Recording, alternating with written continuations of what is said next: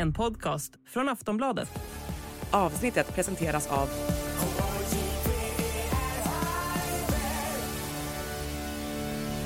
Stödlinjen.se, åldersgräns 18 år.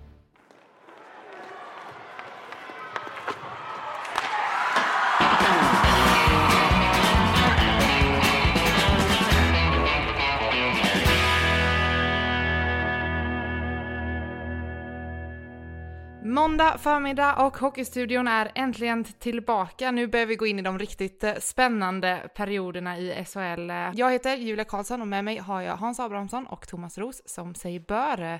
Hur mår vi hörni? Jodå, slutspelsskägget börjar vakna till liv här så att eh, nu får vi se hur jag ser ut om en månad. du kör på slutspelsskägg faktiskt på riktigt? Jajamensan, fattas bara. Är det sant? Brukar du göra det? Det eh, Nej, det är väl mer en modegrej kanske ibland att slippa att dubbelhakan ska synas och sådär. Så att det är väl... Och så kan det vara lite slöhet ibland också. mm. Ja, Avris, hur mår du då?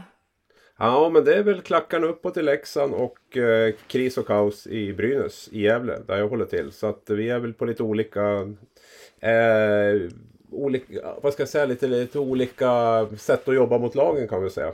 Ja, det, på det, sättet. det blir mer, eh, det kanske inte är så roligt för dig helt enkelt. Eh, det är jätteroligt med kontraster. Alltså så här att det, det, ska inte gå bra jämt och inte dåligt jämt. Men det som blir lite jobbigt är när det är, går dåligt hela tiden. Och du ska jobba mot ett lag där det hela tiden är kris och kaos. Som det har varit sex år nu så blir det ganska speciellt faktiskt måste jag säga. Um... Och, och ser man de här trenderna som har funnits i SHL så brukar inte lagen klara upp det här. Utan har man en nedgående spiral så, så åker man ur till slut. Eh, Modo hade så innan man åkte ut för om det är sju år sedan nu. Eh, Leksand har ju gjort en resa många gånger. Eh, sen har vi de här lagen som kommer upp till SHL, typ Mora, och sen inte orkar etablera sig och åker ur. Karlskrona, samma sak. Men de här storlagen som till slut åker ur, eh, Djurgården, HV, eh, ja, Modo och så vidare. Eh, kanske också Björklöven Södertälje när de åkte ur på sin tid. De har ju haft en, en dålig spiral under flera år och det är väl den spiralen som Brynäs är inne i. Brynäs som är, är ju på något sätt väldigt unikt för att de, jag tycker att de alltid lyckas hålla sig kvar eller klara sig kvar på något mm. sätt. Men det, det, finns väl ingen motsvarighet på något sätt till Brynäs. Det finns väl ingen klubb där det har krisat så många säsonger och där så många tränare har fått sparken. Du får gärna, ni får gärna påminna mig om jag, om jag har glömt. Men det var någon något. som sa att HV hade sju tränare på åtta år då. Ja, Brynäs har nio på sex. Mm. Ja. ja. Så att, eh, ja, nej, det är väl, det är väl möjligtvis HV71 då kanske. Men de var i alla fall ner och vände där. Men ja, vi får se hur det blir. Men eh, mm. ja, nej, det har varit, varit speciell, speciella år på många sätt. Jag kan tänka mig det. Lite uppgivet på ditt håll, låter det som. Det gör det, ja. Men kan vi inte stanna vid, vid Brynäs där? Uh, jo, vi ska göra och, det. Och den stora jag. frågan är ju då, uh, Mikko Manner är ju ersatt av Ove Molin. Ove Molin har tagit med sig två kompisar, Sundqvist och Masken Karlsson. Är det rätt eller fel? Det är väl det jag liksom funderar på. Att de kickar uh, Mikko? Ja, och att Ove kommer in och, och, och Leksandspolarna och, och sådär. Eller, mm. eller Brynäspolarna om man ska säga. Både Sundqvist och Masken och även liksom relation från Leksandstiden då. Mm. Mm, vad säger du Avrisa? Du, du, du kanske är trött på att prata om det, men du får prata om det lite till. Ja, men du skrev ju en svavelosande tyckare igår om det. Ja, jag vet inte. Landade i om det var rätt eller fel där, eller? Jag kommer inte ihåg. Du var väldigt irriterad på Brynäs i alla fall.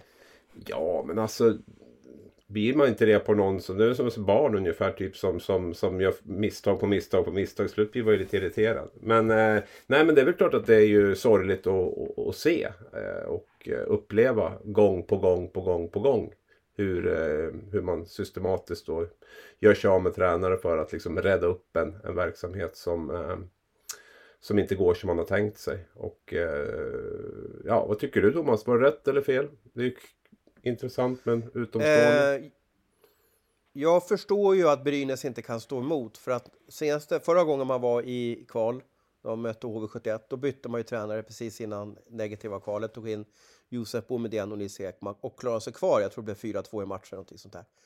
Har man då det i färskt minne så tror jag att det är en omöjlighet att inte dra det här kortet igen. Sen kom det lite sent. Jag trodde man skulle göra det kanske redan i fredags. Eh, men om man har säkert tillsatt en analysgrupp, kollat. Finns det någonting vi kan göra för att ge, ge spelarna ännu bättre förutsättningar? Ja, vi behöver få in lite glädje. det behöver hända någonting. Man såg vad HV gjorde när de tog in Challe Berglund och, Eh, och Pelle Gustafsson och Johan Lindbom och fick en positiv trend. Och det är väl det man hoppas på, för att jag menar, det enda det, det kan ju inte liksom på något sätt gå sämre. Det är väl så man resonerar. Och sen har jag väl förstått, du springer mer i, i Monitor Arena än vad jag gör, men att Mikko Manner kanske har varit på ett sätt utåt, men kanske i omklädningsrummet så har det inte varit så glatt eller så trevligt eller så mysigt eller, eller, eller sådär. Och det är kanske det man behöver få in nu med, med masken som är kungen av one-liners och, och sådär. Så att man behöver få in lite skratt i omklädningsrummet. Men det är, ju, det är ju alltid den versionen man, man hör liksom. Att det, det är liksom ingen bra stämning och vi behöver få in, in energi. Det, det, det hänger ju ihop med att man, man byter tränare. Det är ju sällan någon säger att det är så jävla skön stämning i, i omklädningsrummet men det funkar inget bra på isen. Liksom. Utan det, det är ju alltid så det är. Och jag tror väl också som, som du är inne på. Jag tror att man man hamnade i ett läge där man liksom kände att det kan inte bli sämre. De här två sista matcherna mot Timrå och Växjö var ju totalt energilösa. Och eh, lite grann samma egentligen som när Peter Andersson fick sparken. Man hade chansen då att säkra icke-kvalspel via två hemmamatcher. Jag tror att det var Skellefteå och Växjö man mötte då och uppträdde på jätteenergilöst sätt. Gjorde knappt mål framåt eh, och, och, och sen drog man det där kortet. Så att det, det, likheterna är ganska, ganska stora när det gäller när det gäller hur det såg ut för två år sedan.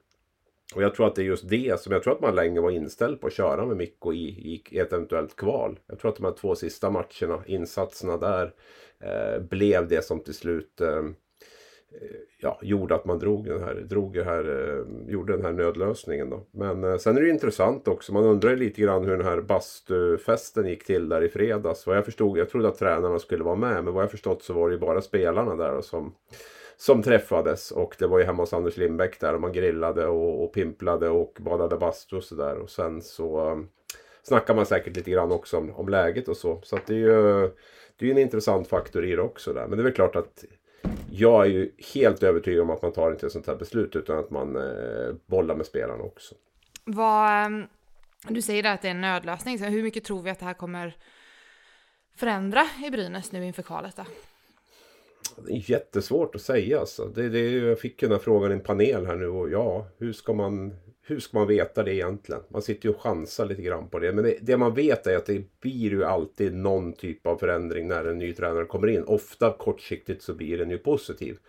Ehm, och jag tror eh, som sagt inte att det kunde bli så mycket sämre för de kändes, det kändes så otroligt liksom eh, energilöst på slutet här och eh, det gör väl att det ändå borde bli, bli lite bättre. Sen hur långt det räcker, hur mycket bättre det blir är ju väldigt svårt att säga om. Jag tycker att Malmö har uppträtt ja, det var det snudd på seriens formstarkaste lag de sista tio omgångarna. Ehm, så man möter ju en väldigt bra motståndare också. Man möter ju inget lag i kris och kaos lite grann som det var mellan HV och Brynäs för två år sedan där båda lagen var ganska illa tilltufsade. Utan här i Malmö är ju dunderfavorit eh, på förhand i mina ögon. Och eh, frågan är väl hur mycket Ove Molin och det här tränarbytet kan lyfta Brynäs om det är tillräckligt. Jag, jag är tveksam till att det räcker ändå faktiskt. Det blir ju en nyckelmatch eh, på tisdagen här. Brynäs har ju hemmafördel den här serien. Den ska ju, först till fyra segrar håller sig kvar i SHL, det är det som ligger i potten.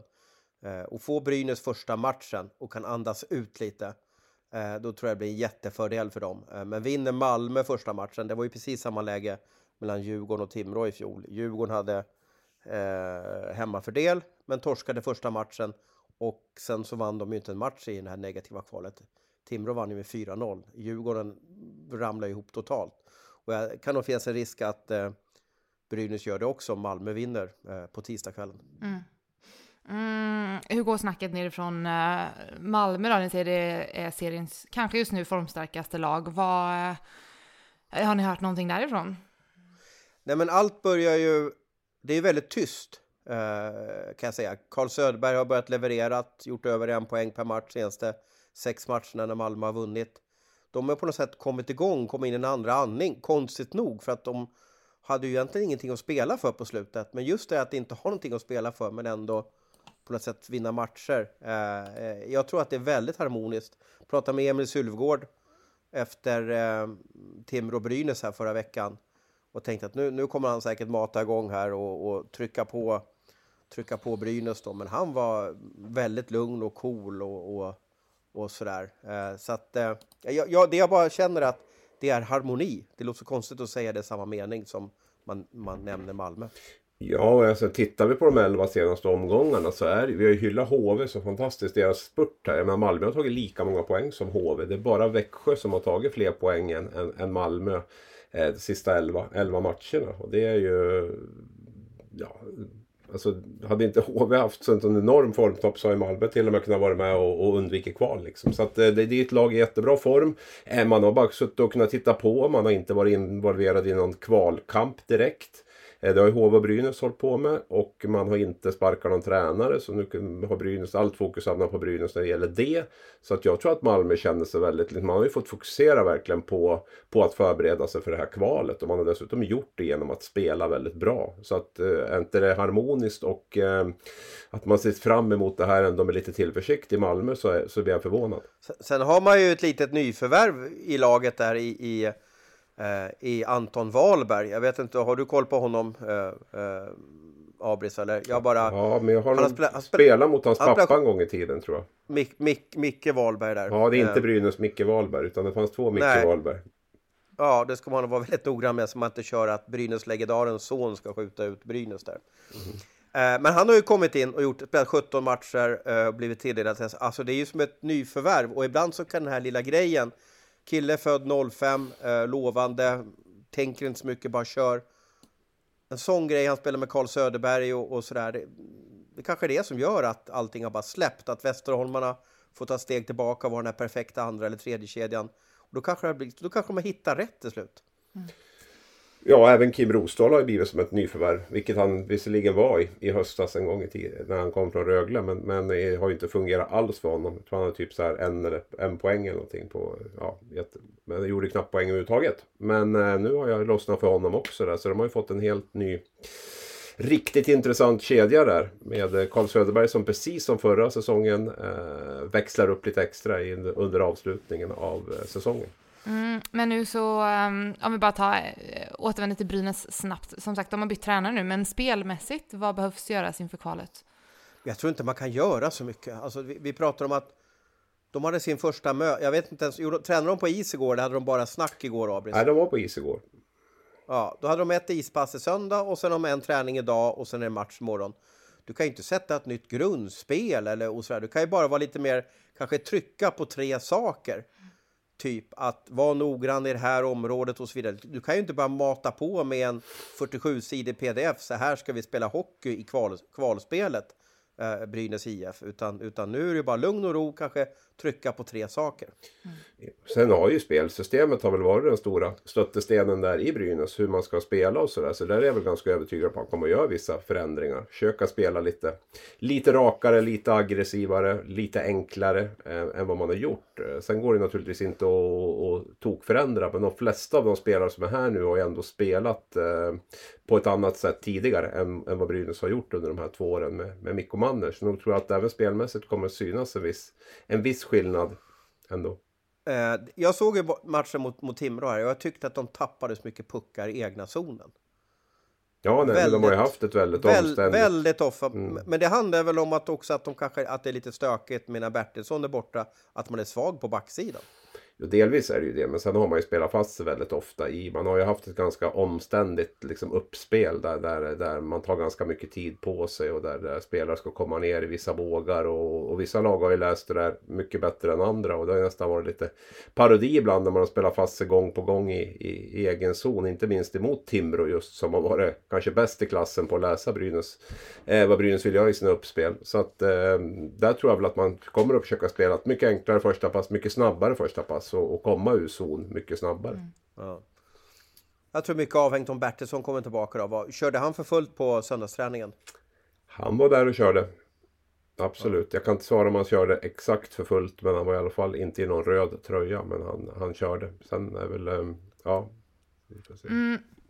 Brynäs börjar ju också med hemmafördel där. Hur, eh, hur mycket betyder det? Ja, det är väl en fördel i alla fall. Sen exakt hur mycket det betyder är väl lite svårt att säga. Men det är klart får man det är ju en chans i alla fall att bygga lite energi på hemmaplan. Att, eh, att få med sig en första seger med det nya tränarteamet är ju naturligtvis eh, viktigt och sådär. Sen kan man väl också känna att det, det kan vara en fördel att börja borta kanske också och få liksom slå lite underläge och inte ha den där superpressen. De behöver ju vinna matchen i, imorgon tror jag för att eh, ha en chans i den här kvalserien. Så det är klart, det är, på, det är på två sätt. Men jag tror väl att de väljer, fick de välja så kör de nog hemma helst första matchen. Det som är intressant om vi bara isolerar eh, borta och hemma där med Malmö och eh, Brynäs så, så är ju Malmö, i alla fall statistiskt, ett starkare bortalag. Man har vunnit eh, 12 av 26 bortamatcher den här säsongen. Eh, det, det, är riktigt bra. Eh, det är nästan bara Växjö och Färjestad som, som är bättre än Malmö. Eh, och kollar vi hemma så, så är ju inte Brynäs, alltså man är ju, man är ju bättre hemma än vad man är borta. Man har bara vunnit 10 matcher den här säsongen av 26. Så att det är inte så här att, man är, att Malmö, alltså Malmö, ja, alltså Malmös bortastatistik, den förvånar mig att den är så kraftfull, men det måste ju vara att man är kanske trivs på, på, var, var på roaden, kanske haft några bra trender nu på slutet när man har vunnit några extra matcher, men hemmafördelen kanske inte är så jättestor ens om, man kollar, om vi baserar det bara på statistiken. Nej. Hej, jag Ryan Reynolds. Recently, I asked Mint Mobiles legal team if big wireless companies are allowed to raise prices due to inflation. They said yes. And then when I asked if raising prices technically violates those onerous two-year contracts, they said, what the f*** are you talking about, you insane Hollywood ass?" So to recap, we're cutting the price of Mint Unlimited from $30 a month to just $15 a month. Give it a try at mintmobile.com slash switch. $45 up front for three months plus taxes and fees. Promoting for new customers for limited time. Unlimited more than 40 gigabytes per month. Slows. Full terms at mintmobile.com. Mm, jag tänker att vi um, går vidare från um, Brynäs-Malmö där. Eh, grund, grundserien är över. Åttondelarna är redan igång. Det händer ju mycket här och mycket snabbt. Men jag tänker om vi bara stannar till lite vid grundserien. Eh, vi har ju två lag som har eh, spelat klart nu i SHL.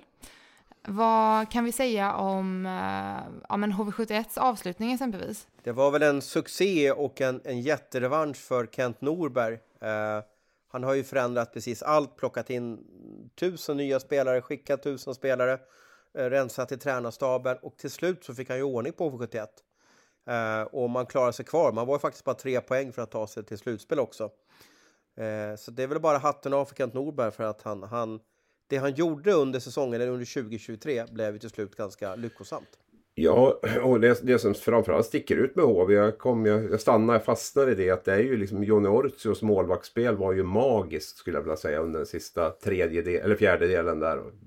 Och André Peterssons eh, offensiva spets jag, ty jag, tycker det är de två spelarna framför allt som har stuckit ut och räddat eh, HV. Inte minst Ortius målvaktsspel. För analyserar man ner spelet mer detaljerat så är det ju inte så att HV har spelat jättebra under den här perioden. Eh, men man har, man har dragit tillbaka styrkorna lite grann.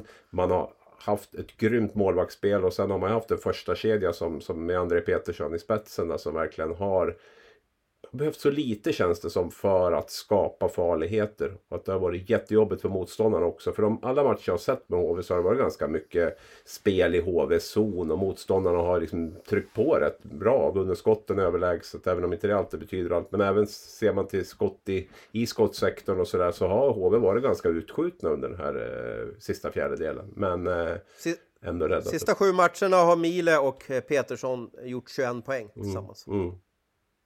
Ja, nej, den kedjan har varit absolut en av, av, av ligans bästa. Eh, inte minst nu på slutet här. Och det har varit Det har blivit väldigt bra kombo med att de har eh, haft målvaktsspel som har räddat upp dem många gånger. Plus har haft den offensiva spetsen. Så att det är ju enormt vass avslutning. Det som är lite fascinerande är att Malmö liksom har smugit under radarn och gjort en lika vass avslutning som HV. Det känns ju... Ja, de två, två bottenlagen har verkligen gjort det kanon här sista fjärdedelen. Mm. Men det kan jag ju tycka också, du och jag hade lite sms-kontakter om det där Abris, att, att det var ju en grej som gick under radarn den här säsongen. Det var ju då ett debacle när Andy Mile eh, då valde att efter en förlustmatch ja, åka och mysa lite och fira lite med, med familjen på isen. Och det här gjorde ju Kent Norberg genom Match som galen att, ja, att det var så myspys och så vidare. Men, och han ville ju kicka eh, nordamerikanen där, men, men de rökte ju fredspipa. Eh, och sen kom Nick Shore in och blev center och så fick de en perfekt första kedja. Det, där valde ju liksom Kent Norberg att förlåta också istället för att tokstraffa. Det är också en styrka hos en människa. Eller också var det så att han inte fick iväg milet någonstans. För vad jag förstod så var han ute på marknaden men det var ingen som nappade Jo, direkt. Men jag hörde också att han valde att släppa stoltheten. Mm. Han kunde ha slängt, slängt han i frysboxen och kört han med juniorerna. Mm. Ja. Nej, det blev väl bra till slut med, med, med Miele där. Får vi se lite grann hur HV tar sig an nästa säsong här och, och, och sådär då. Det är ju... De har ju fortfarande en bra bit att vandra för att liksom bli ett stabilt SHL-lag. Så vi får väl se lite grann hur, hur värvningarna sitter nu och, och sådär. Jag är övertygad om att man kommer att gå väldigt, väldigt tungt i alla fall på, på att värva spelare. Um, nu är man ju ute lite tidigare också på marknaden än vad man var för ett år sedan. Ja, jag funderar på det. Det måste vara ganska tacksamt att säsongen tar slut så här tidigt som det gör jämfört med många andra lag. Och så kan man ju redan nu hålla på Ja, hålla på och ringa till eh, Adam Olas Mattsson eller, eller några sådana spelare som man kanske är intresserad av och knyta upp dem då. Jag undrar vad slutnotan hamnar på i HV där egentligen för, för säsongen. Den var ganska dyr eh, trupp i alla fall. Men eh, Eh, är det några som kommer gå nu? Efter säsongen också, som ni vet klart. Frå, från HV menar du eller? Ja. Jag tror att nubben, eh, alltså Kent Norberg, kommer rensa hejvilt. Han har ju tagit över den här truppen. Eh, jag tror han kommer forma den precis som han vill eh, och tänker och så vidare. Så att jag, jag tror att det kommer bli High Chaparral och då säger jag inte det något negativt. Liksom med någon negativ etikett utan mer att det kommer, det kommer rensas hej friskt och han kommer vrida till dig. Och jag tror vi kommer säkert få se några storfräsare kommer komma in. Lovrens Pilot, Ruotsalainen. Eh, jag skrev om en finsk powerforward här som jag nästan glömde namnet på. Heter han Taka? Tiki Taka, eller vad heter han? I helgen här då. Eh, från Ilves då, en, en jätte. Han är redan klar för övrigt då. Så jag tror de kommer, eh, de kommer eh, se till att pengarna ska rulla och in med storfräsare.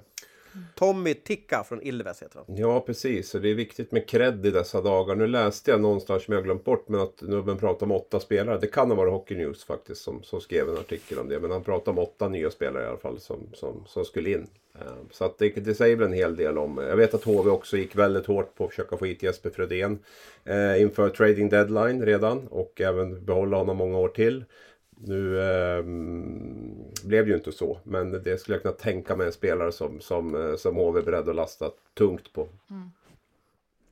Mm, om vi går över till det andra laget som är i uh, ingenmansland nu, Linköping, borde de vara eh, nöjda med sin position eller är det ett tapp att de inte går till slutspel? Det är väl ett tapp kan jag tycka. Eh, Man blir ju inte riktigt... Jag blir inte riktigt... Jag förstår mig inte på Linköping. Det, det känns lite som att oavsett vem som tränar eller vem som är, vilka som spelar i laget så, så får de liksom inte riktigt till det utan man hamnar där nere eh, någonstans. Jag vet inte riktigt vad som ska, vad som ska till. Eh, så nu har man missat slutspel eh, fem år i rad. Åkt ut i kvarten tre år rad innan dess. Så att man har inte vunnit en slutspelsomgång sedan 2015 och det är lite märkligt för att det ibland så är det ju inget, det är ju inte ett dåligt lag man ställer upp med, men eh, man verkar ju inte få ihop gruppen där. Jag tror att man måste ta lite omtag och de har ganska bra ungdomsverksamhet, kanske satsa på lite yngre spelare. Nej men det är väl klart liksom med, med, med äh, värvningar som Tyratti, Oskar Fanteberg, Linus Hultström så hade väl liksom Linköping hoppats på, på mer än att återigen hamna i det här ingenmanslandet som, som man faktiskt brukar hamna i och har gjort de senaste åren. Så att det är klart att det är en, jätte, en besvikelse för dem där. Sen vet jag inte riktigt heller hur de ska det känns som att de sitter på ganska mycket kontrakt. Eh, det är lite samma lag som i år. Det är samma tränarstab. Det är liksom, frågan är vad är det som ska bli den här X-faktorn som gör att Linköping plötsligt eh, blir ett eh, pålitligt slutspelslag eller tar steg uppåt i tabellen. Det, det, det blir ju väldigt, väldigt viktigt hur man, ja, de få platser man har att- att att bolla med nu. Hur man, hur man kommer att få, vilka spelare man kommer att få in där. Men eh, just nu så känns det väl lite grann som att man i, i bästa fall kommer att vara på, på samma nivå som, som i år. Nästa år. Mm, vad tror ni skulle vara den X-faktorn då? Är det typ att byta tränare, något i tränarstaben eller är det någon spelare som måste in? Vilken typ av spelare? Jag vet inte. Nej men det är ju kanske i så fall framförallt spelartruppen där. Att man försöker och, och, och nu kommer man väl att göra sig av med Petrus Palm och köpa ut honom. Det vart ju ett kontrakt som man, som man skrev under säsongen här nu. Det kanske, det kanske är läge att man gör det på, på, på fler spelare. Eh, någon spelare till. Eh, plus att man då får in eh, spelare som verkligen lyfter Linköping. Och som, eh, som sätter en lite annan, annan nivå i laget. Kanske en lite, en lite tuffare tävlingsnivå skulle jag vilja säga. Så att det, det är väl lite grann där som, som eh, sportchefen Peter Jakobsson har det, har det stora jobbet att göra. Man måste försöka att och trolla lite med knäna och försöka göra de förändringar som går med den här truppen. Men det är ju det här också som är ett, ett, ett lag som kanske... Det här skiljer ju från Växjö eller Skellefteå och någonting sånt där. Att det, det blir ju aldrig riktigt lugn och, lugn och ro i eh, Eh, eh, Linköping. Man tog in Pajen Persson som sportchef för några år sedan. Nu får han lämna eller bara liksom försvunnit bort. Och så är Peter Jakobsson där. Man har, man har eh, körde ut... En, för några år sedan körde man att ordförande dubbeljobbade, var ordförande och klubbdirektör. Sen har man anställt en ny klubbdirektör och efter hot har den valt att sluta. Så nu är man tillbaka på ruta noll.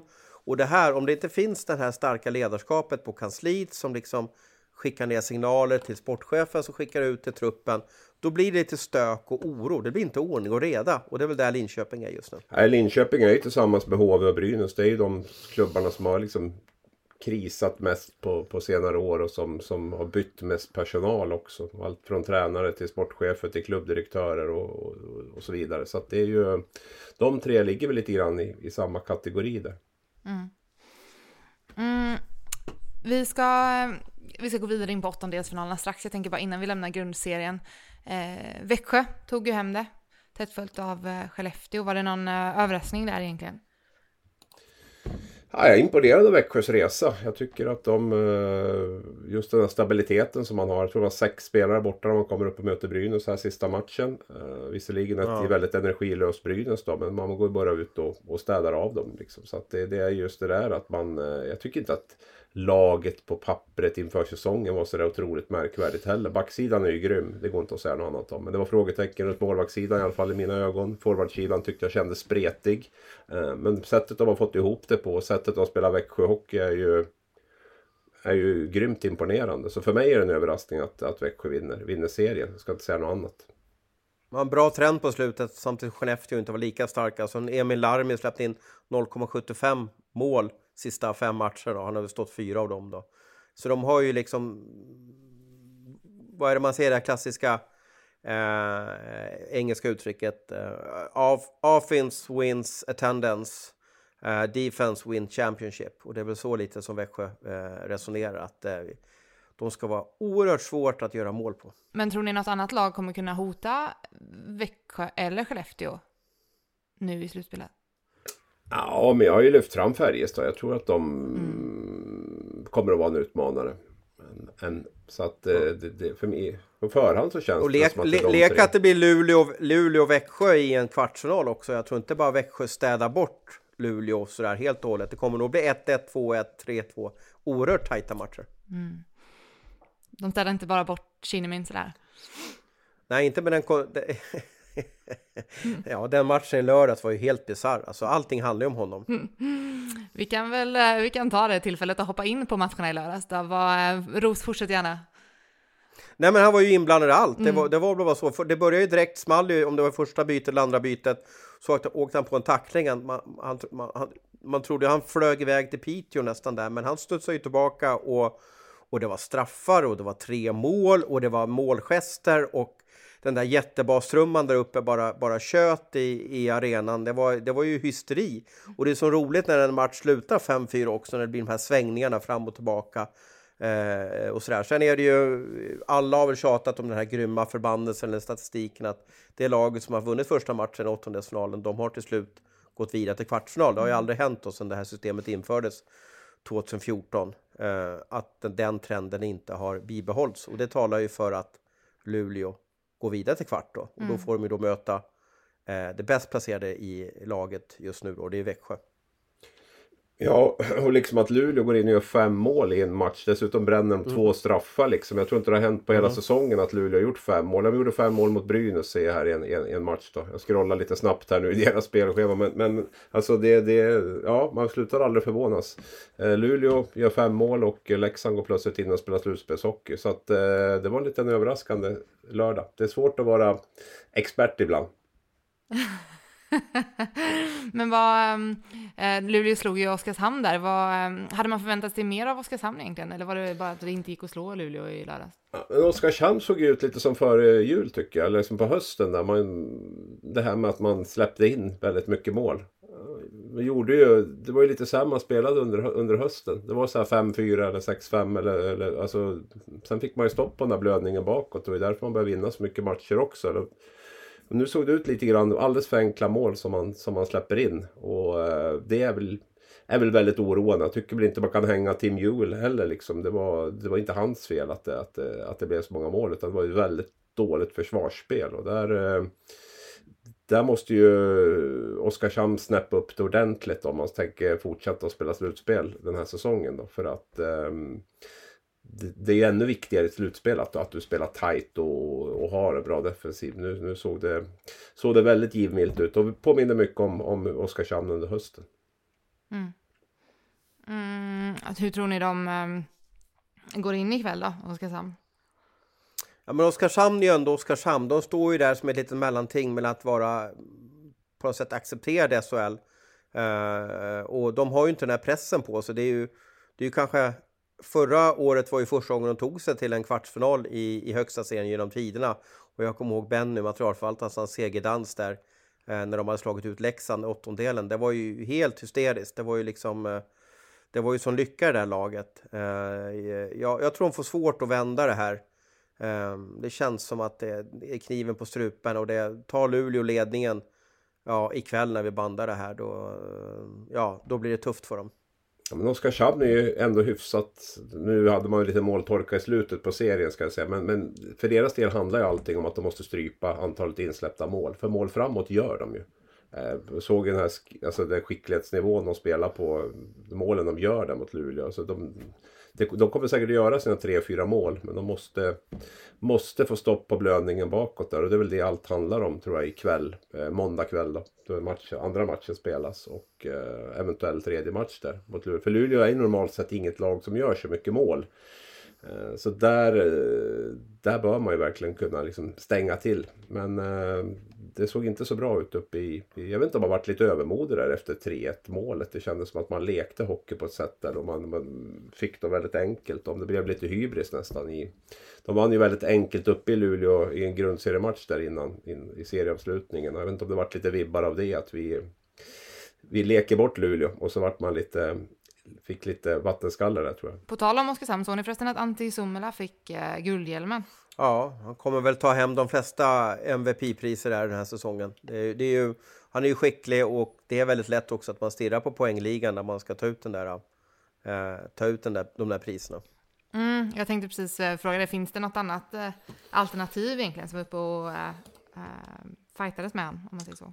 Ja, men det där är ju det är så svårt, alltså det där också. Liksom man, man, vet, alltså, man ser ju poängen och det, det, det, det är det man ser. Men sen, sen hur, hur man värderar dem. Oskarshamn slutade sjua, jag menar i min värld Johnny Ortsio kanske snudd på en MVP liksom i med den betydelsen han hade, den X-faktorn han vart att, att HV liksom klarar SHL eh, existensen, hur mycket det är värt. Alltså, mm. Så det är svårt, men, men jag, det är väl klart att det är svårt att säga emot Somela. Han har ju varit grymt bra liksom båda vägar och verkar vara väldigt bra person och, och, och liksom omtyckt i laget och sådär. Så att eh, det är väl inte mycket att säga om. Men, men det finns ju många som är viktiga, viktiga för sina lag. Sen är det väl alltid en, en smaksak vem av dem man utser. Men, men eh, Somel är väl en värdig vinnare. Ja, värdig ja. Men eh, jag tänker mest, eller rent spontant, vem skulle ni utse då till grundseriens eh, MVP om ni måste göra det på eh, rak arm? Du sa Ortio, Abris. Men du då, Ros? Jag är ju förtjust i, i Podas i, i, uh, i Skellefteå. Sen tycker jag inte han har varit lika stark här sista... Alltså, och, och det är så lätt också. Uh, jag satt och kollade på den här guldhjälmen. Det är ju spelarna i SHL som, mm. som röstar. Jag vet faktiskt inte hur de röstar. Uh, om det är någon som sitter och ringer upp alla och så vidare. För det här priset har ju delats ut i, i jättemånga år. Eller om det är någon länk där man får rösta och så vidare. Men, men det är ju väldigt lätt att Oj, vem är bäst i serien? Ja, men vem vann poängligan? Mm. Uh, och sen är det också lätt att en forward vinner. Jag satt och kollade de sista tio åren.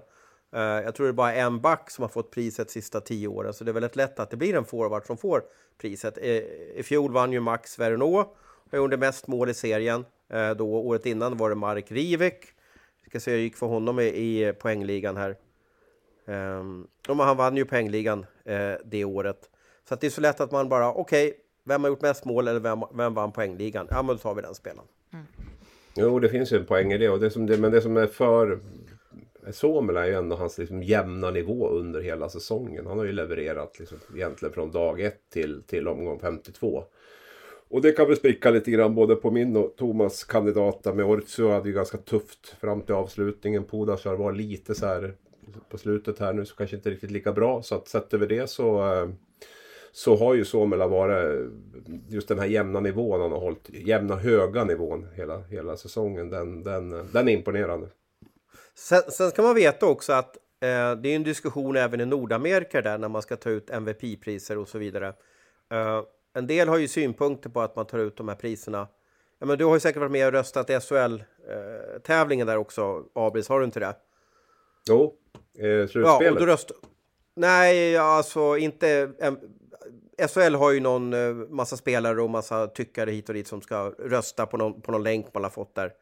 Uh, och det här gjorde man ju för tio dagar sedan. Hänger du med? Och sen kommer de här priserna delas ut efter säsong. Och det blir ju jättemärkligt då på ett sätt att Suomela vinner. För att man skulle vilja ha med på något sätt slutspelets betydelse. Vi ser att Oskarshamn åker ut eh, ja, nu på måndagskvällen. Eh, och Suomela har ju varit, ja, sista två veckorna. Har, jag vill inte säga att han varit iskall. Han var ju bra i, i första matchen här i, i åttondelen. Men det slår lite fel när en sån där spelare som har varit het under grundserien men kanske inte ens spelar slutspel, när den får de här liksom bästa forwardpriserna eller MVP-priserna liksom över hela säsongen. Det, det slår lite fel, men jag har inget annat sätt att lösa det på. Men, men det är väl klart att Max Ferrano fick guldhjälmen i, i fjol och eh, ja, gick inte ens till det riktiga slutspelet då. Nej, men det är ju ändå, det baseras ju ändå på grundserien. Jo, jo, jag vet, men jag bara säger att det blir som att okej, okay, om vi sitter här om en månad och ska kolla på Hockeygalan som sänds i Simor och så ser man de här priserna delas ut. Och så bara, jaha, Somela, eh, MVP, okej. Okay. Ja, eh, jag får bara en liten konstig känsla att, jaha, vart det så? Men han, han var ju så bra sista tiden här och, och eh, Kinnamin kanske gör 14 mål nu framöver. Liksom sådär. Ja, nej, det är nog viktigt att man klarar av att separera på grundserie och slutspel. Annars blir det nog ja, knepigt. Eller säsong. Jag, jag skulle vilja ha säsongen. Mm. Hey everyone, I've been on the go recently Phoenix, Kansas City, Chicago. If you're like me and have a home but aren't always at home, you have an Airbnb. Hosting your home or a spare room is a very practical side hustle. If you live in a big game town, you can Airbnb your place for fans to stay in. Your home might be worth more than you think. Find out how much at airbnb.com/slash host.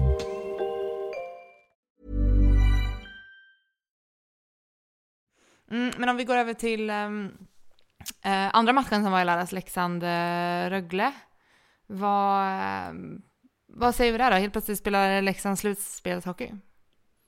Ja, men jag blev lite imponerad där faktiskt måste jag säga. De kom ut väldigt, väldigt bra och uh, höll väl egentligen i det under stora delar av matchen också. De, det, finns lite, lite vilja kvar där att förlänga säsongen. Jag var lite osäker på det faktiskt. Inte minst med tanke på, på historien och de senaste åren med slutspel där Leksand nästan har känt som att de inte vill vara med. Eh, men det här var något helt annat. Sen vart det väl också förstärkt tycker jag vilka äh, det blir liksom inget lyft för Rögle. Jag tycker att de svarar för en ganska blek insats. Man har tre powerplay första perioden där jag tycker det händer inte speciellt mycket. Uh, och så där. Det är inte alls samma Rögle som vi har vant oss vid de senaste åren. Där. Men, men all heder till, till Leksands insats som jag tycker var, var riktigt bra. Mm. Sar blev ju skadad också i matchen och det är ju ett avbräck för dem. Jag, det, det, såg illa ut. Han fick ju ledas ut från, från isen. Jag har svårt att se eh, att han spelar nu på måndagskvällen.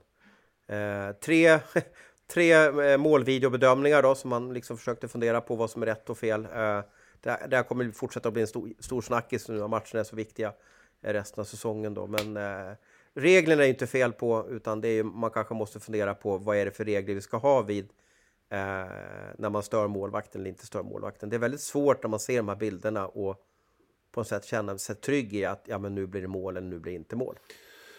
Ja men det är väl bedömningarna du menar som, som man ska diskutera i så fall då. För att det alltså, reglerna är ju ganska klara tycker jag. Att du får ju, så länge du inte stör målvakten i målgården så får du ju, så får du ju vara där. Ja, och så länge du stör ja, målvakten i målgården. Abs- så att den är, Absolut, men det, blir, men det blir ju på något sätt också om du jämför då eh, Rögles godkända mål med eh, Leksands bortdömda mål så om man tittar de där varvar de där fram och tillbaka så blir man inte riktigt klok på hur, hur, hur regelverket... Men det, det är som alla säger, det är ju reglerna vi måste kika på. Vad är goaltender interference? Och så får vi sätta oss efter säsongen, hur vill vi att det ska vara? Hur mycket... Eh, det var någon klok person som sa att ja, men, tillåt att man stör målvakten men inte så att det föreligger skaderisk. Och så vidare. Får jag, an då, kan får man ju, då, kan man ju liksom, då kan man ju sitta på honom eller bara låsa hans benskydd eller vad som helst. Då, liksom, för det är ju ingen Ja, skaderisk. men, men det, här får, det, det här får ju de som är mycket duktigare på, på målvaktsspel och såna här eh, händelser än vad jag är. Sätta sig ner i, i ett låst rum och så får man komma fram till eh, vad som är bra och inte bra. Eller så bara är man i målgården på blåa området när det är mål och är anfallen spelande, ja då blåser vi av. Ja men det är också jättetråkigt. Vi har ju haft den här debatten så många år och jag kan väl tycka att vi har landat i en, ett, ett, eh, en tolkning och ett regelverk som är ganska rimligt måste jag säga. Och som om man bara liksom lyfter blicken lite grann och inte bara går på sitt eget tyckande och tänkande vad som ska vara ett hockeymål. Så fungerar ju det här regeltolkningen ganska bra tycker jag. Sen finns det väl alltid något litet så här, ja men hur störde de Mantas med klubban med benskyddet där eller kunde han göra sin, sin räddning? Det är klart, det kommer vi aldrig ifrån.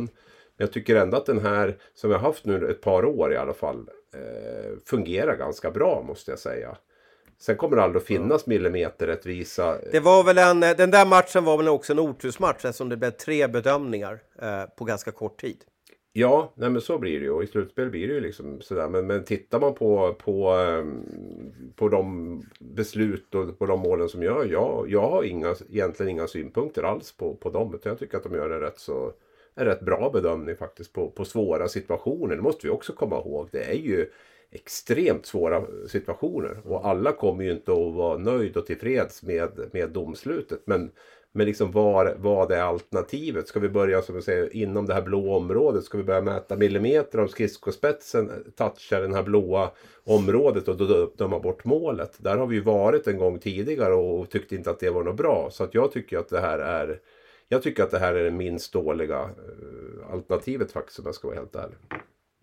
Sen måste jag säga, jag, jag, den här lilla eh, finska backen i Rögle gillar jag skarpt. Alltså Valtteri Viljanen, vilken, eh, vilken lirare. Herregud vad han körde där. Det var... Ja, och, och Jaromir Jagr eh, Och frisyr frisyren också. också. Ja men en Ja, liten sån. ja. Men jäklar vad han smällde på och, och for och fick han, har blivit och gav. publi- han har blivit publikfavorit Ja. också. Så det är väl coolt efternamn också, Viljanen, för det är precis det han står Ja, men det kändes som att han var lite ensam i hos Rögle faktiskt. Ehm, tyckte det såg blekt ut där. Ja, svårt att se att de nu ska vi nu vet man aldrig vad Då som händer. Då spelade Rögle också 10 minuter i powerplay. så Ja, ska man ja, liksom, men just det där också i första perioden. Jag tycker liksom Michael Kapla står och lägger in puckar på mål i powerplay liksom. Från, och hoppas på att det ska bli en styrning eller en skymning. När man har så skickliga spelare som Tambellini och Sar och, och sådär. Man måste ju kunna göra lite mer med, med sitt powerplay. Nu blev det bättre faktiskt i, i andra och tredje perioden. Tyckte jag ändå att man lite mer variation. Men i första satt jag bara tänkte liksom herregud att de inte liksom eh, har högre ambitioner med sitt powerplay-spel än, än, än sådär. Mm, om man ser på förväntningarna på eh, Rögle, de borde väl eh, gå längre än åttondelsfinal. Ja men det tycker man ju på förhand. Men samtidigt man, man, man, man ligger ju nia eller tia i serien. Vad nia blev man väl. Och, och det, det är man ju av en anledning. Vi återkommer ju till det att tabellen ljuger ju sällan. Och, och, och som, man, som laget såg ut nu så så är det nog eh, så tar nog säsongen slut uppe i, i Dalarna. Undrar om man har planerat sin resa där egentligen. Om man har eh, om det blir Det är en... ju en speciell, eh, nu, nu när ni lyssnar på det här så kanske matchen är spelad Mm. och så vidare. Men, men det, är ju, det ska ju vara snökaos igen då. Det kommer ju någon snösmocka här från om det är England eller var den kommer ifrån nu någonstans då. Men, men Rögle chartar ju upp, åker direkt till Borlänge. Värmer hemma i Ängelholm och, och flyger direkt in. Eh, men sen, ingen har ju någon aning om de ska hem ikväll eller om de ska vara kvar eh, en natt till och så vidare. Det är ju så här det blir i slutspelstider. Ehm, det är ju samma sak också för Luleå och Oskarshamn. Luleå åker ner till Oskarshamn nu. Eh, de vet ju inte om de ska liksom ja, i övermorgon åka hem till Luleå och ta fram golfklubborna eller om de ska fortsätta till Växjö. På, och nu är det ganska smidig resa att bara ta bussen till Växjö vill jag ju påstå på, på onsdag. Då. Men Malmö, Malmö stänger sina träningar kom det pressinformation här. Ja, men det har de informerat om lite tidigare också. Men nu kom det officiellt här såg jag. Så att eh, ja, Mm. de, eh, man får göra intervjuer efter träningarna typ. Man får inte vara där och titta på när de tränar. Är, det inte det där, är, inte det där lite, är inte det där lite kissnödigt eller? Jo, jag tycker det. Jag tycker faktiskt Hur många journalister kan det vara på Ja, deras träningar? Kan, ja. det vara, kan det vara två journalister på Ja. deras träningar? Ja. Jag kommer ihåg när jag var på eh, Rysslands träning i Vitryssland, jag och Jimmy Wikström.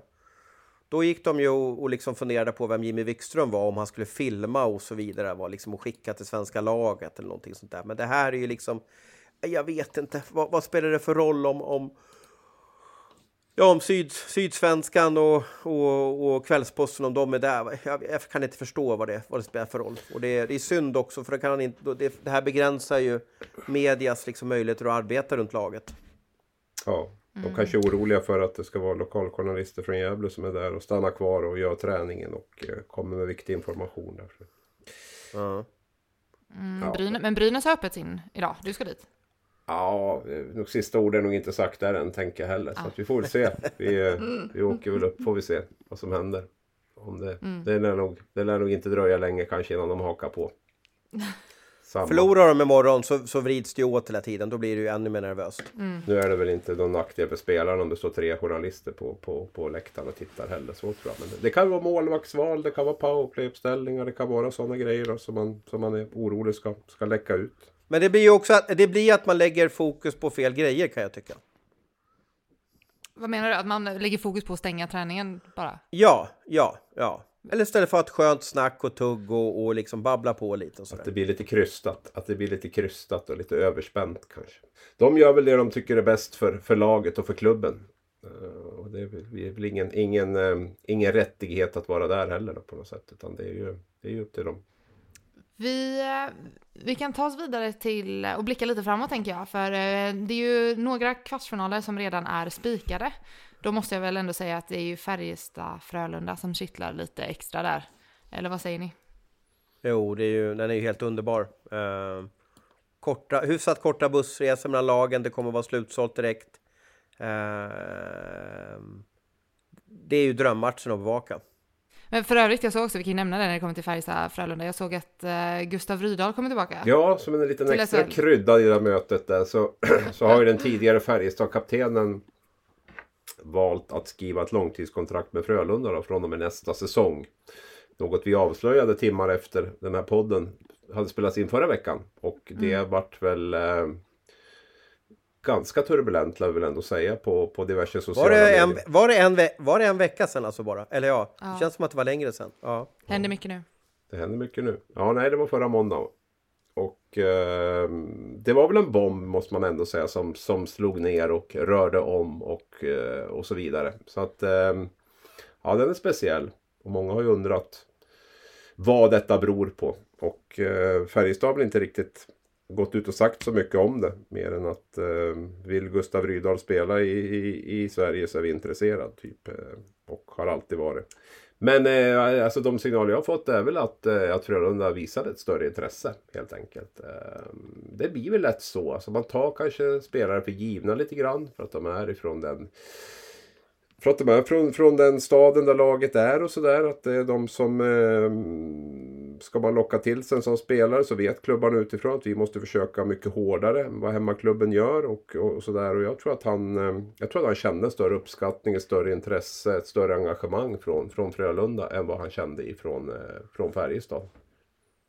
Jag vet inte exakt hur Färjestad jobbar, men, men Frölunda har ju, eh, i alla fall en gång per år så åker ju sportchefen eller generalmanagern Fredrik Sjöström runt då. Eh, och, eh, eh, och vad heter det, besöker sina ja, spelare som är utomlands, speciellt i Nordamerika.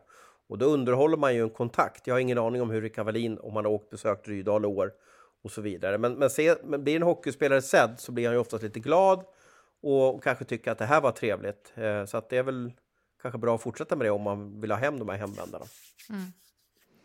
Men det är jättemodigt av Rydal att, att byta från Färjestad Frölunda. Det har hänt tidigare genom åren också att, att man har gått me väl, mellan de här klubbarna. Men just som lagkapten och med på något sätt den auran han fick bland fansen, att då välja Frölunda. Det är, folk trodde ju inte var sant när, när, vi hade skrivit den här texten. Alltså det, folk, folk blev chockade helt enkelt av det. Alltså.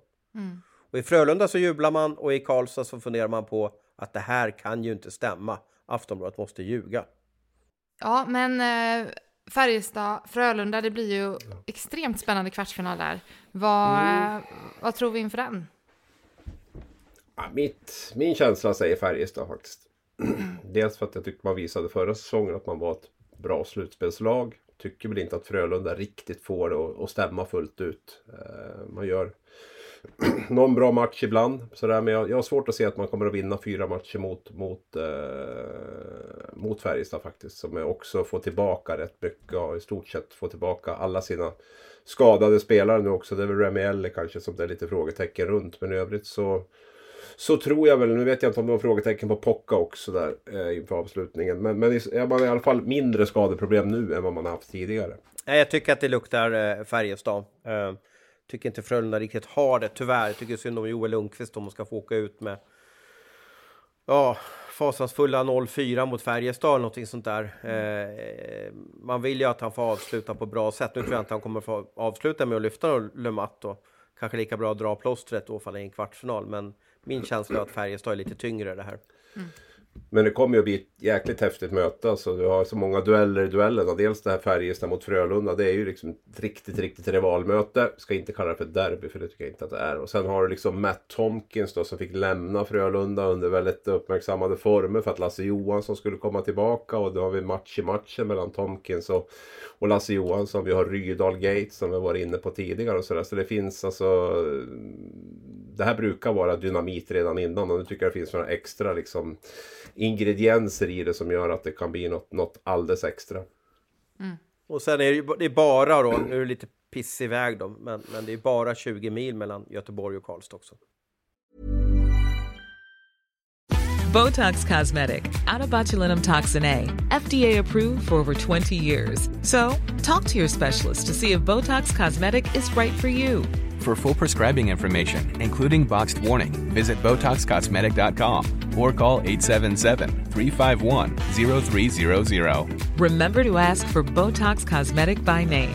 To see for yourself and learn more, visit BotoxCosmetic.com. That's BotoxCosmetic.com. Och om vi tittar på den andra kvartsfinalen, då har, har vi Örebro-Timrå. Förlåt, innan vi går in på det, på tal om Örebro, det var väl ändå lite småroligt. Niklas Eriksson blev ny sportchef, eller? Ja, ja han har ju inte, han, han har inte jobbat som sportchef tidigare och har ju varit ett, alltså, tränare i hela sin karriär eh, efter att spela, fina spelarkarriären tog slut. Uh, jag tror att det handlar om att bygga ett team med Johan Hedberg. Han och Johan Hedberg är väldigt tajta med varandra. Och jag tror att de kände att de ville ha det blir ett perfekt team när de ska prata och bygga. Jag, jag, kan gissa att Johan Hedberg, han, inte, han är inte presenterad för Örebro, men att vi kommer få se ett kanske treårskontrakt eh, eller längre. För att nu ska de bygga någonting nytt där. Eh, Johan Hedberg har ju förändrat eh, ungdomsverksamheten och juniorverksamheten och, och, byggt upp en röd tråd i Mora. Jag tror att han och Niklas tillsammans med Bengt, Sen kommer försöka göra sam, lika samma sak i, i Örebro. Då. Ja, vi har ju sett spelare som har gått direkt och blivit sportchefer och så. Däremot tränare är ju inte, lika, inte alls lika vanligt. Jag tror ju att det är... Alltså det blir lite speciellt. Jag har ju enorm respekt för Niklas Eriksson och det han har gjort som, som tränare och sådär. Men, men liksom, tänker ju lite grann, alltså det, det, är ju det är ju något helt annat att vara sportchef och gå direkt och bli sportchef i det läget där. Det, det, det är ganska tufft. Nu tror jag att jag, jag, ska bara gissa så tror jag att eh, Niklas Eriksson kommer att ha väldigt mycket med sporten att göra. Liksom hur laget spelar och, och hur man ska spela i framtiden och hur ser juniorsidan, alltså länk däremellan och sådär. Och att Bengt Sen kommer att vara den som kommer att och sköta det här med kontraktsförhandlingar och, och så vidare. Va? För att eh, det är ändå ganska, två ganska helt skilda roller att vara huvudtränare i SHL och vara sportchef i SHL. Så det är möjligt att han får en, liksom en en mjuk start på det sättet. Att han ska fokusera väldigt mycket på, på det sportsliga. Mm, och vad tror vi då om kvartsfinalen? Ja, jag, får, jag har en känsla av att Örebro kan reda ut det där faktiskt. Um, jag tror att Enrot kan vinna målvaktsmatchen. Jag tycker att Örebro också har överraskat egentligen hela säsongen. I alla fall på mig. Jag tycker att de har, man har tänkt att nu kommer de att dippa, nu kommer de att dippa. Det här det kommer inte att räcka. Men de har inte gjort det. Det tyder ju ändå på en enorm styrka. Ehm, tycker också att man gjorde en rätt bra kvartsfinalserie mot Luleå förra året. Och eh, åkte väl kanske dit på att man fick kämpa tre matcher mot Brynäs där. ehm, I åttondelen redan. Men eh, så att jag, ja, min, min känsla säger faktiskt att eh, Örebro tar det. Ja, och nu var det väl lite tråkiga signaler uppe från Timrå att Jonathan Dahlén där, eh, vi har ingen dagsfärsk uppdatering, men, men kan inte han spela så tappar man ju en, ekonom, alltså en offensiv kraft som, som är eh, som inte har, han, han kan ju liksom trolla till när som helst under match och, och göra mål. Så då tappar man ju lite, så har man Vedin borta sedan tidigare också. Då blir man lite tunn tycker jag. Ja, och så lite säkert harmoniskt i Örebro nu också. De har löst den här Niklas Eriksson-knuten på ett, på ett lite lämpligt sätt. Så nu kan man... Eh, som, de flesta är, är, nöjda och glada där nu också. Så att jag tror att det kan, eh, kan bli en obehaglig överraskning för, för, för Timrå faktiskt. Jag fick en spaning på mail där från en trogen lyssnare. Lä- Läste ni igenom den? Ja, Han, jag kan bara sammanfatta hans spaning. Jag ska, jag ska ju läsa hans namn också om jag hittar mejlet nu till er här. Här, han hette alltså då Johan Sjöberg.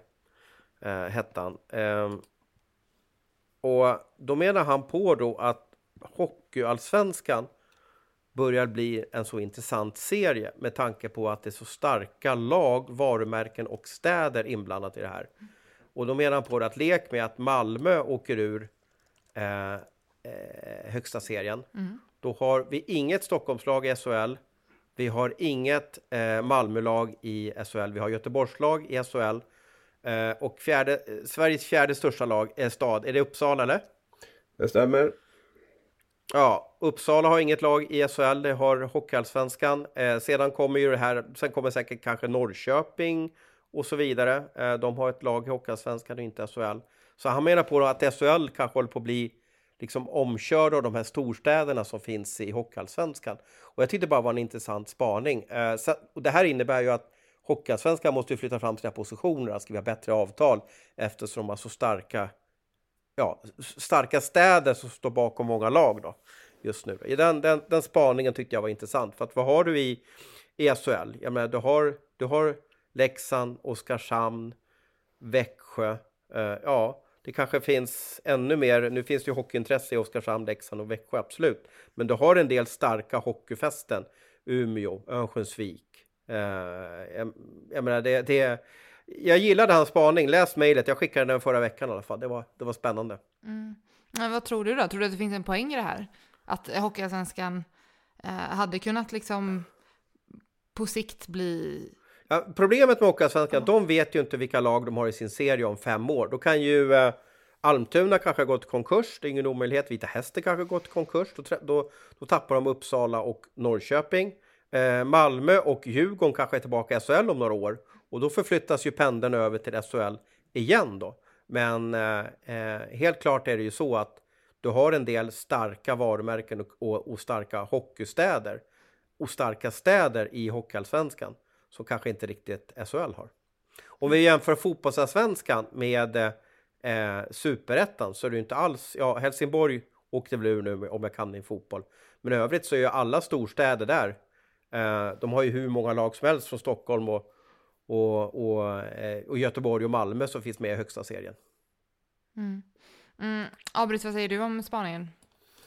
Eh, ja, nej men alltså det har väl varit SHL har väl liksom aldrig varit någon, någon storstadsliga på något sätt på det sättet som Hockeyallsvenskan har varit. Det är väl, SHL är väl starkast ute i de här mellanstora svenska städerna på något sätt. Eh, Stockholm har väl aldrig liksom tagit SHL riktigt på allvar med, med arenasidan. Malmö har väl haft en ganska ja, ljum inställning till hockey överhuvudtaget måste jag väl ändå säga. Det är väl i Göteborg som det har varit eh, hås runt Frölunda. Men i övrigt så, så, så känns ju, och det har väl förstärkts de senaste åren egentligen. Det har varit svårt att bedriva elitidrott i, i, i, i Stockholm till exempel. Um, jag tror inte Stockholms stad liksom känner att vi måste ha ett SHL-lag på samma sätt som Karlstad eller Gävle eller Örnsköldsvik eller, eller, eller Leksand känner liksom. Så att det, det är väl ehm, Sen om det påverkar eh, ja, tv-avtal och så vidare. Det, får ju visa sig lite grann. Det är klart att det har varit en orimlig skillnad mellan SHL och, och Hockeyallsvenskan. Jag skulle bli förvånad om inte det avtalet på något sätt kommer att, kommer att kanske jämnas ut i alla fall. Nu skrev ju SHL ett magiskt tv-avtal igen med Simor här. Så att vi får väl se lite grann vad, om det är någon, något, något annat tv-bolag då som känner som Thomas lite grann att um, att Hockeyallsvenskan är snudd på hetare än vad SHL är och det finns en enorm eh, publikbas eh, som vi skulle kunna fånga upp med, med som köper abonnemang hos oss om, om vi sänder Hockeyallsvenskan. Det, det är ju mycket möjligt att det, att det kan bli så. Men sen om det är Stockholm och Malmö som kommer att liksom vara den här vågdelaren som kommer att göra att eh, tv-bolagen är beredda att betala så himla mycket mer. Det får vi väl se. Mm. Det är väldigt fina arenor som inte spelar i vår högsta serie om Malmö åker ut. Om, nu, om vi inte nu spelar SHL-hockey i, eh, på Hovet i Malmö Arena eller, eller Globen. Eh, det, det, är lite ovanligt. Det skulle ju aldrig ske i fotbollen att, att vi inte spelade eh, allsvensk fotboll på Ullevi eller, eller Friends eller, eller Tele2 Arena. Och med det så eh, tänker jag att vi stänger ner för dagen, hörni. Det är ju slutspel, så jag skulle inte vara förvånad om vi dyker upp eh, med ett avsnitt inom kort, köra lite slutspelsbonanza här. Vi får väl se när det blir. Tack Hans Abrahamsson, tack Thomas Roos, tack till alla er som har lyssnat. Har ni tankar, frågor, mer funderingar som ni vill att vi tar upp så hör gärna av er till någon av oss. Så hörs vi igen om ett litet tag. Du har lyssnat på en podcast från Aftonbladet. Ansvarig utgivare är Lena K Samuelsson.